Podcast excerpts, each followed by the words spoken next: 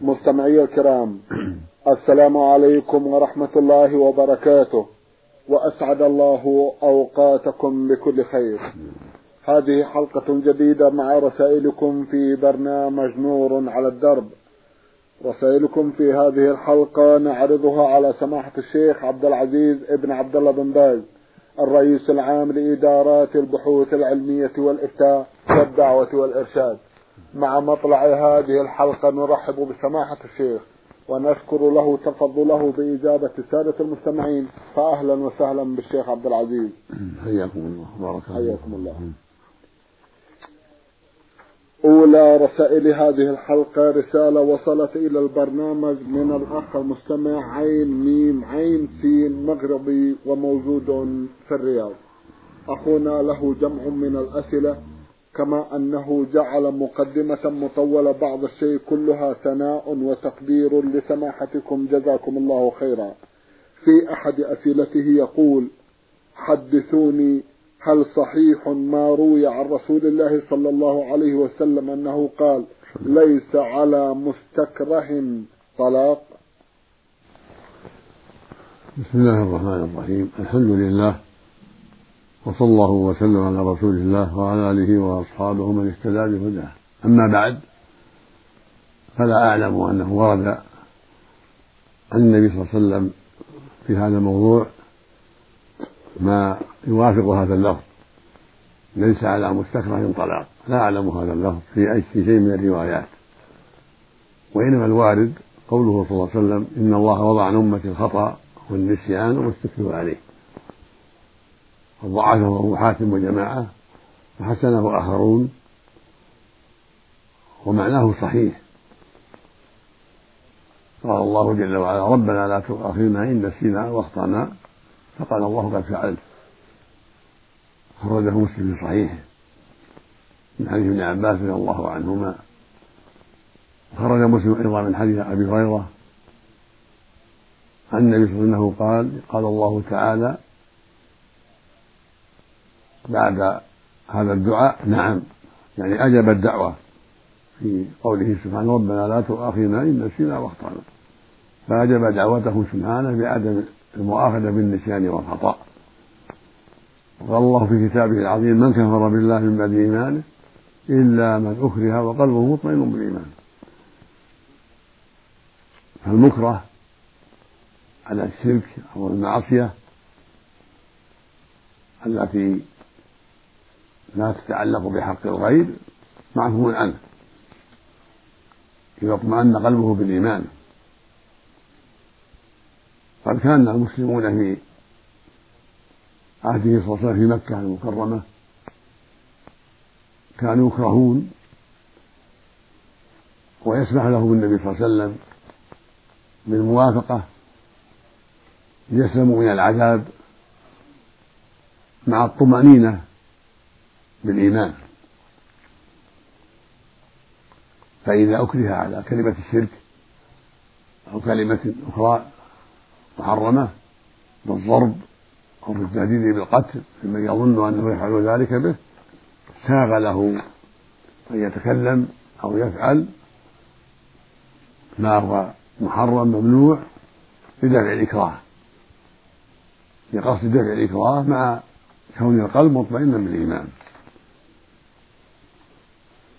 ولكن ليس له لكن ليس له أن يظلم غيره لأجل سلامة نفسه. ليس له أن يقتل غيره ليسلم. وليس له يظلم غيره ليسلم. إذا علم أن المقتول والمظلوم ليس مستحقا لذلك. فليس له يدفع عن نفسه بظلم غيره. أما أن يتكلم بكلمة محرمة أو محرم المتعلق بالله كالسجود لغير الله أو كلمة الكفر أو الذبح لغير الله فهذا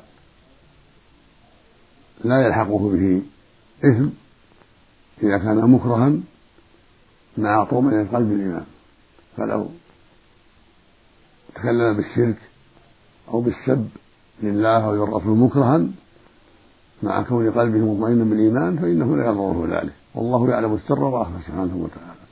وهكذا لو أكره على السجود أو الذبح لغير الله فإنه لا يكون بهذا كافرا.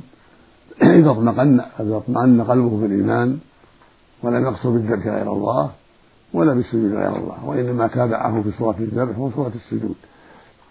لأن القلوب إلى الله ليس له قدرة على إكراهها. وإنما الإكراه على القول والفعل. نعم.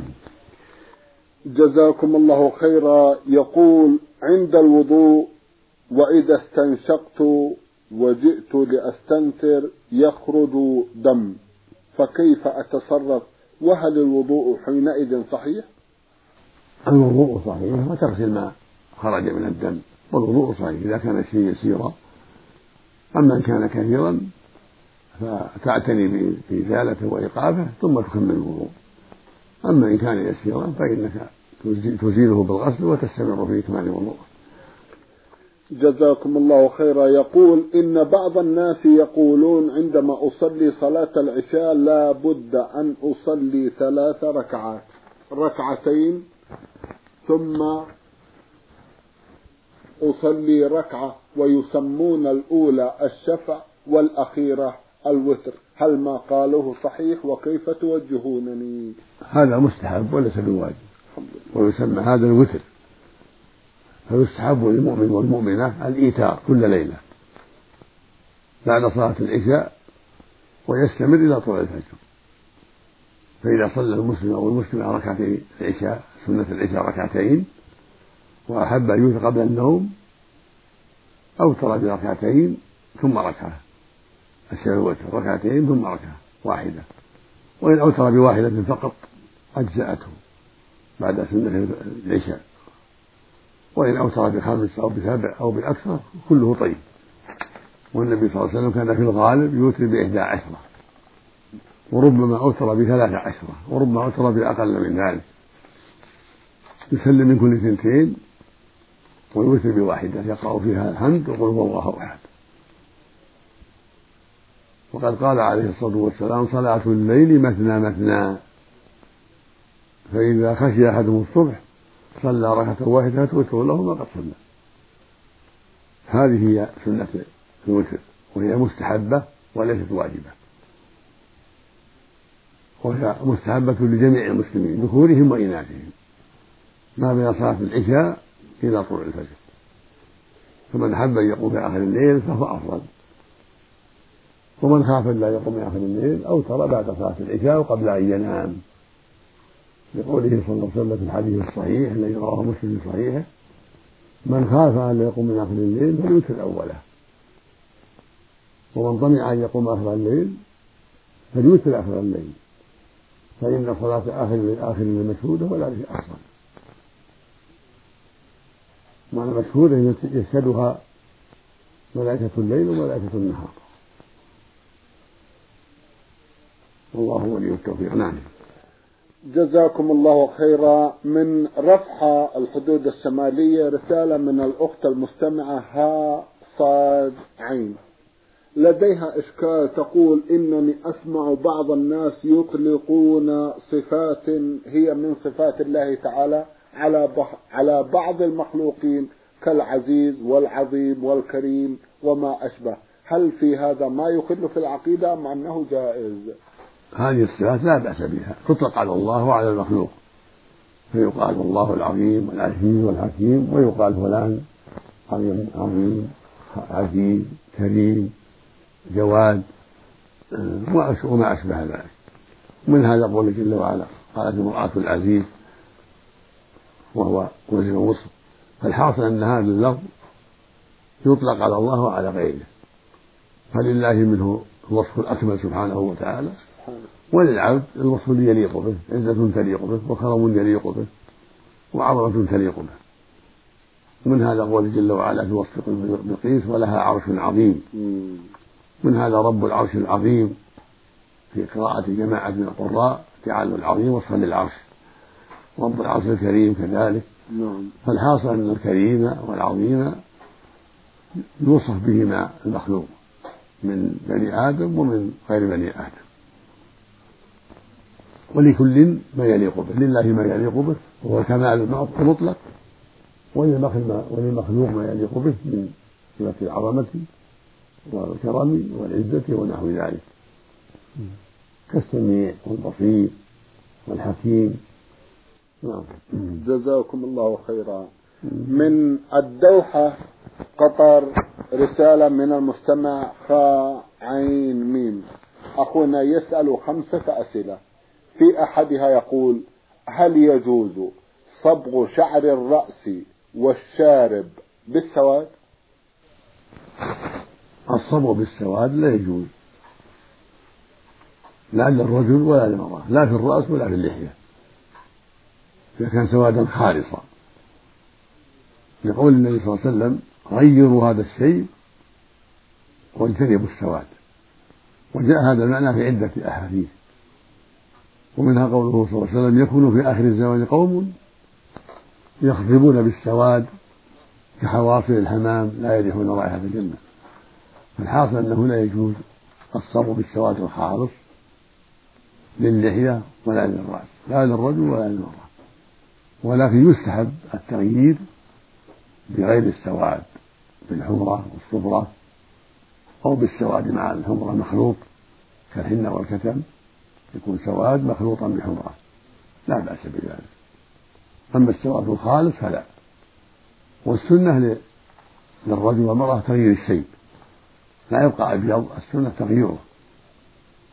لقوله صلى الله عليه وسلم غيروا هذا الشيء.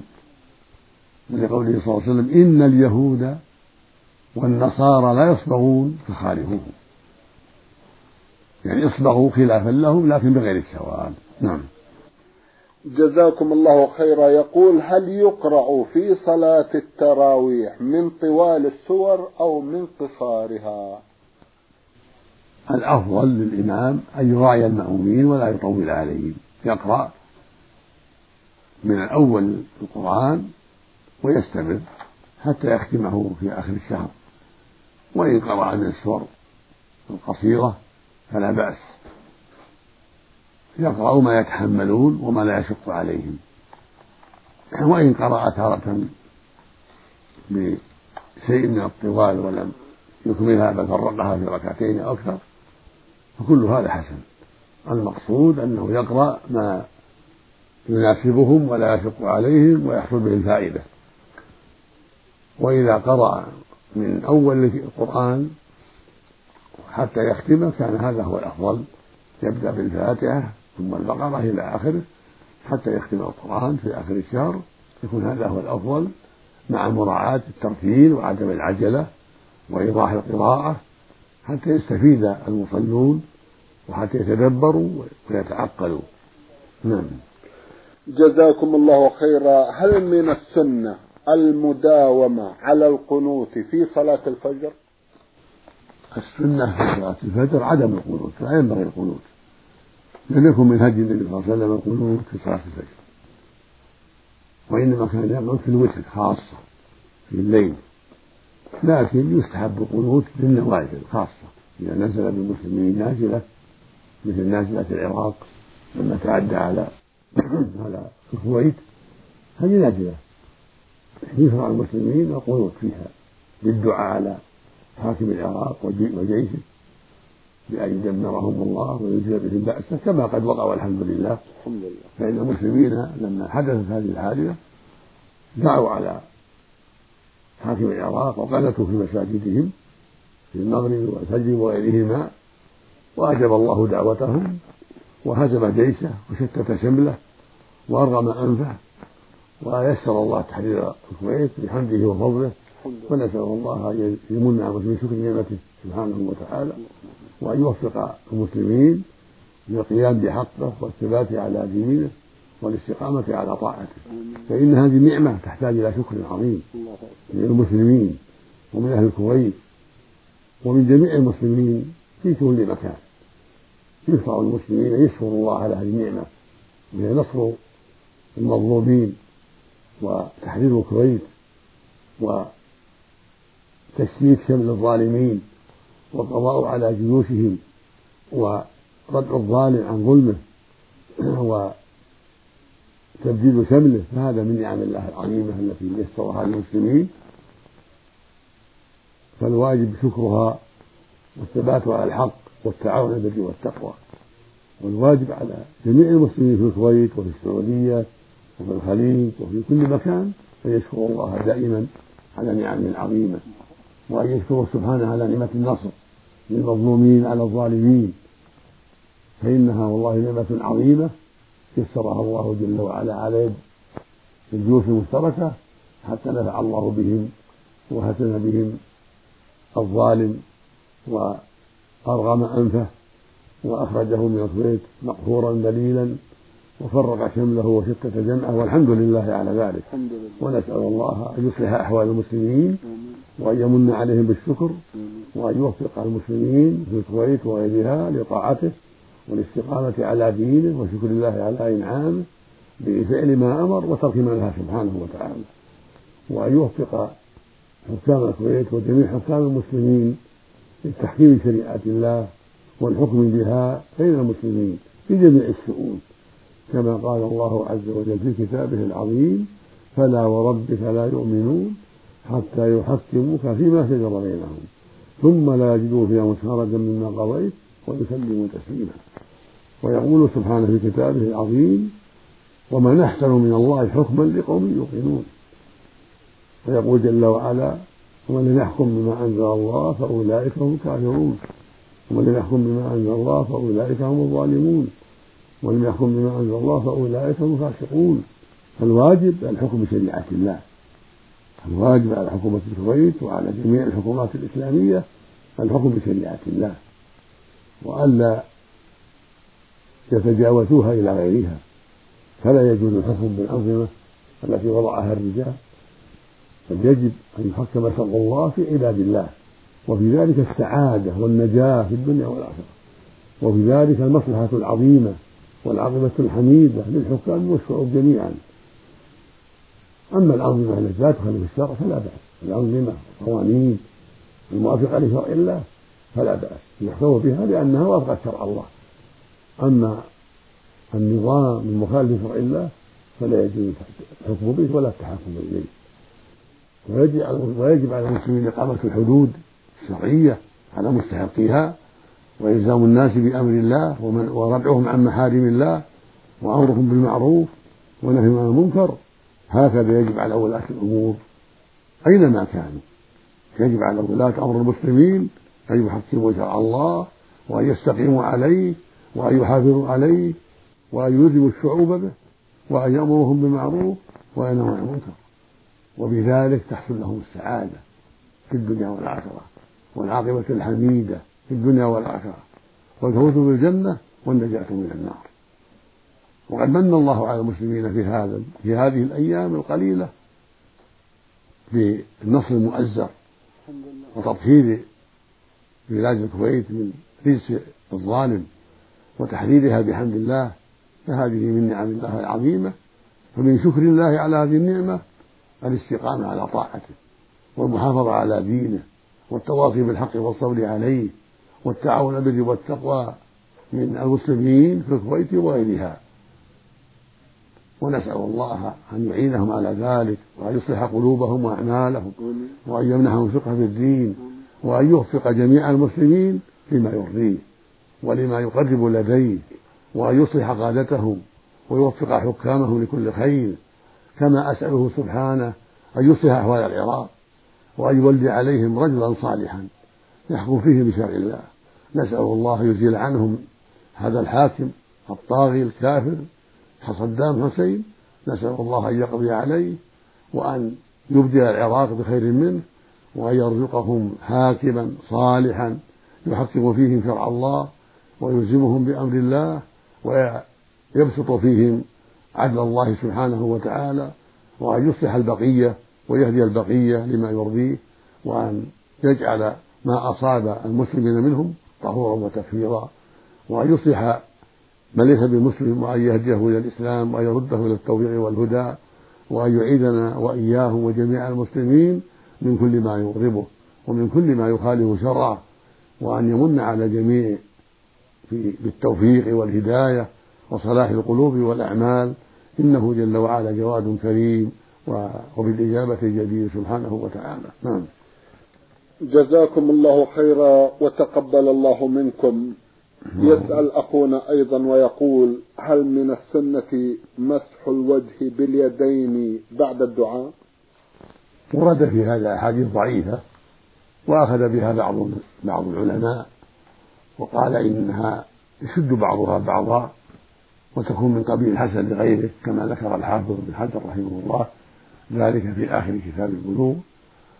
وذهب آخرون إلى أنه لا يستحب ذلك لأن الأحاديث الصحيحة ليس فيها شيء من ذلك. وقد دعا النبي صلى الله عليه وسلم في صلاة الاستسقاء ولم يمسح وجهه بيديه لما رفعهما في الاستسقاء. ورفعهما أيضا في خطبة الجمعة لما استسقى ولم يخبر عنه أنه مسح بهما وجهه عليه الصلاة والسلام. فالأفضل ترك ذلك لأنه المحفوظ في الأحاديث الصحيحة. ومن فعل ومسح لا حرج عليه إن شاء الله. لكن الأفضل هو الترك حسب ما دلت عليه الأحاديث الكثيرة الصحيحة في الصحيحين وغيرهما. جزاكم الله خيرا. أخيرا يسأل ويقول هل يجوز مصافحة المرأة العجوز؟ مصافحة النساء لا تجوز سواء كن عجائز أو شاب أو شابات. لقول النبي صلى الله عليه وسلم إني لا أصافح النساء. لما تقدمت لي امرأة في وقت البيعة المصافحة قال إني لا أصافح النساء. وقالت عائشة رضي الله عنها والله ما مست يد رسول الله يد امرأة قط. ما كان يبايعهن إلا بكلام ومرادها رضي الله عنها يعني غير محارمة. يعني ما كان يصافحهن أما المحارم فلا بأس كان يصافح ابنته فاطمة ويصافح المحارم عليه الصلاة والسلام. ولا حرج أن أن الإنسان يصافح زوجته وأخته وعمته وأمه وجميع محارمه. وإنما الممنوع أن يصافح امرأة أجنبية كزوجة أخيه أو أخت زوجته. أو غيرهما. هذا لا يجوز. وهو من وسائل الشر. ولا يجوز لا مع العجوز ولا مع الشابة. هذا هو الصواب. حتى ولو كان من وراء حائل ولو لفت على يدها شيئا فالذي ينبغي ألا يصافحها مطلقا. لأن مصافحتها مع وجود حائل وسيلة إلى المصافحات الأخرى بدون حائل. فالواجب ترك الجميع. أخذا بقوله صلى الله عليه وسلم إني لا أصافح النساء. والله يقول سبحانه لقد كان لكم في رسول الله أسوة حسنة. قال بعض أهل العلم إن المصافحة أشد من النظر إلى المرأة بالشهوة لأن المصافحة قد تؤثر في الإنسان أكثر ما يؤثره النظر نسأل الله للجميع التوفيق والهداية. اللهم آمين. جزاكم الله خيرا. من الأردن المستمعه ياسمين أحمد تسأل عن حكم إزالة الشعر الواقع في الوسط بين الحاجبين. هل يجوز للمرأة إزالته أو لا؟ لا أعلم مانعا من ذلك لأنه ليس من الحاجبين وإن تركه احتياطا فحسن. وأما زواله فلا أعلم فيه بأسا لأن ليس من الحاجبين الذي اللذين جاء فيهما النهي عن النمص وإن تركته أخذا بقول من قال إن النمص يشمل جميع الوجه الشعر جميع الوجه فهذا من باب الاحتياط من باب دع ما يريبك إلى ما لا يريبك وإلا فالأصل أنه ليس من الحاجبين وإنما هو جزء بينهما قد يسبب شيئا من التشويه أو الكراهة من الزوج فالحاصل أنه لا حرج فيه إن شاء الله وإن ترك على سبيل الاحتياط فأرجو أن ذلك حسن إن شاء الله عملا بالعموم. والله ولي التوفيق. نعم. جزاكم الله خيرا. تسأل إذا كان للمرأة شارب فهل لها زواله؟ نعم إذا كان فيها شيء يشوه الخلقة كالشارب واللحية فإنها تزيل ذلك أو كان شعر في الوجه. يشيع الخلقة زائد على المعتاد فإنها تزيله لأنه ليس من النمص. النمص هو أزالة الحاجبين أو الشعر الذي في وجهه المعتاد ليس فيه تكوير يترك.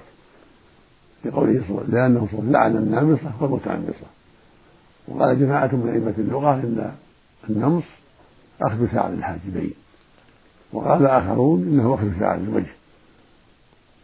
فينبغي ترك ذلك إلا إذا كان فيه تشويه كالشارب واللحية والشعور الزائدة في الوجه المستنكرة فهذا لا بأس بإزالته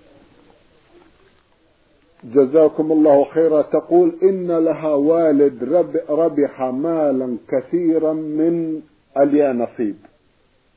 فهل لهم أن يأكلوا من ذلك المال؟ الربح من اليانصيب هذا ليس من المال الشرعي هو؟ من القمار من الميسر. وجميع الأموال التي تحصل من الميسر محرمة. والله جل وعلا يقول في كتابه العظيم إنما الخمر والميسر والأنصاب والأزلام رجس من عمل الشيطان. فاجتنبوه لعلكم تفلحون. والميسر هو القمار. وهي نصيب هو القمار. فهذه الأموال التي حصل حصل عليها الوالد من القمار يجب أن تصرف في وجوه البر وأعمال الخير كإصلاح الطرقات ودورات المياه والصدقة على الفقراء والمحاويج أما أنه يأكلها فلا يأكلها ولا يأكلها ورثتهم يعلمون أنها من هذا الطريق. نعم. جزاكم الله خيرا. مستمع من جمهورية مصر العربية بعث برسالة ضمنها قضية وهذا المستمع هو ألف ألف سين عبد الكريم. قضيته تتلخص في الأسئلة التالية لو تكرمتم سماحة الشيخ. أولا التشاؤم من الزوجة ما حكمه؟ ثبت عن النبي صلى الله عليه وسلم أنه قال الشم في ثلاث في المرأة والبيت والدابة وفي لفظ آخر إن كان الشم ففي ثلاث ثم ذكرها. فإذا رأى من الزوجة ما يضره وكثر ذلك أو من دابته كفرسه أو ناقته أو حماره أو نحو ذلك ما يؤذيه وكثر ذلك وخرج عن العادة أو في منزله الذي نزل فيه رأى فيه ما يؤذيه ويضره واستمر ذلك فلا مانع من الانتقال من المنزل ومن فراق الدابة ومن فراق الزوجة. لقوله صلى الله عليه وسلم في ثلاث في المرأة والبيت والدابة وفي لفظ والفرس. الفرس من الدواب. فلا حرج في ذلك ولا بأس أن يطلق المرأة التي حصل عليه ضرر بها كثير. أو الدابة التي حصل بها ضرر كثير عليه يبيعها أو يعرضها لأحد والمنزل كذلك يبيعه أو يستأجر غيره إن كان بالإيجار. كل هذا لا حرج فيه للحديث المذكور. نعم. جزاكم الله خيرا. الزواج بغير موافقة الوالد. المشروع للمؤمن أن يتحرى موافقة الوالد. لأن برهم من الواجبات. وبر وكذلك الوالدة. كابرهم يقتدي لأن الوالد ما بدأ له والد. والمرأة بدأ لها مرأة نساء كثير. والوالد كذلك. فإذا وجد امرأة صالحة طيبة فلا مانع من أن يستشير الوالد ويكثر عليه في ذلك ويطلب من الإخوان الطيبين أن يشيروا عليه حتى يوافق. الصالحة ما ينبغي ردها ولا ينبغي تركها. ولا ينبغي لوالده أن يمنعه من ذلك. ولا حرج في الزواج بها ولو لم يرضى الوالد. لقوله صلى الله عليه وسلم إنما الطاعة في المعروف. والزوجة الصالحة من المعروف. لكن مهما مهما استطاع أن يرجعه أو يلتمس امرأة صالحة غيرها حتى لا تفوت الفرصة هذا هو الأولى. جمعا بين مصلحتين بين بره وبين تحصيل المرأة الصالحة. جزاكم الله. مهما أمكن. فإن لم يتيسر ذلك وخاف فوتها وهي امرأة صالحة مشهود لها بالخير فلا حرج عليه إن شاء الله في الزواج بها وإن لم يرضى والده ففي إمكان والده بعد ذلك أن يرضى. والغالب أن الوالد الطيب لا يكره المرأة الصالحة. نعم. فإذا كرهها فلا بد أن هناك شيئا أوجب الكراهة.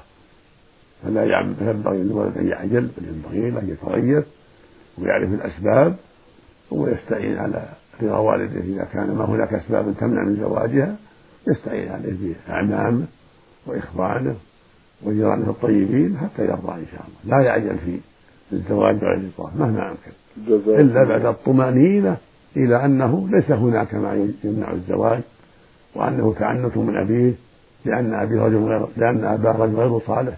لا يريد الصالحات هذا خطأ عظيم. نعم. نعم. جزاكم الله خيرا. سماحة الشيخ في ختام هذا اللقاء أتوجه لكم بالشكر الجزيل بعد شكر الله سبحانه وتعالى على تفضلكم بإجابة السادة المستمعين وآمل أن يتجدد اللقاء وأنتم على خير. نرجو ذلك. مستمعي الكرام كان لقاؤنا في هذه الحلقة مع سماحة الشيخ عبد العزيز ابن عبد الله بن باز. الرئيس العام لإدارات البحوث العلمية والإفتاء والدعوة والإرشاد. شكرا لسماحته. وأنتم يا مستمعي الكرام شكرا لحسن متابعتكم. وإلى الملتقى. وسلام الله عليكم ورحمته وبركاته.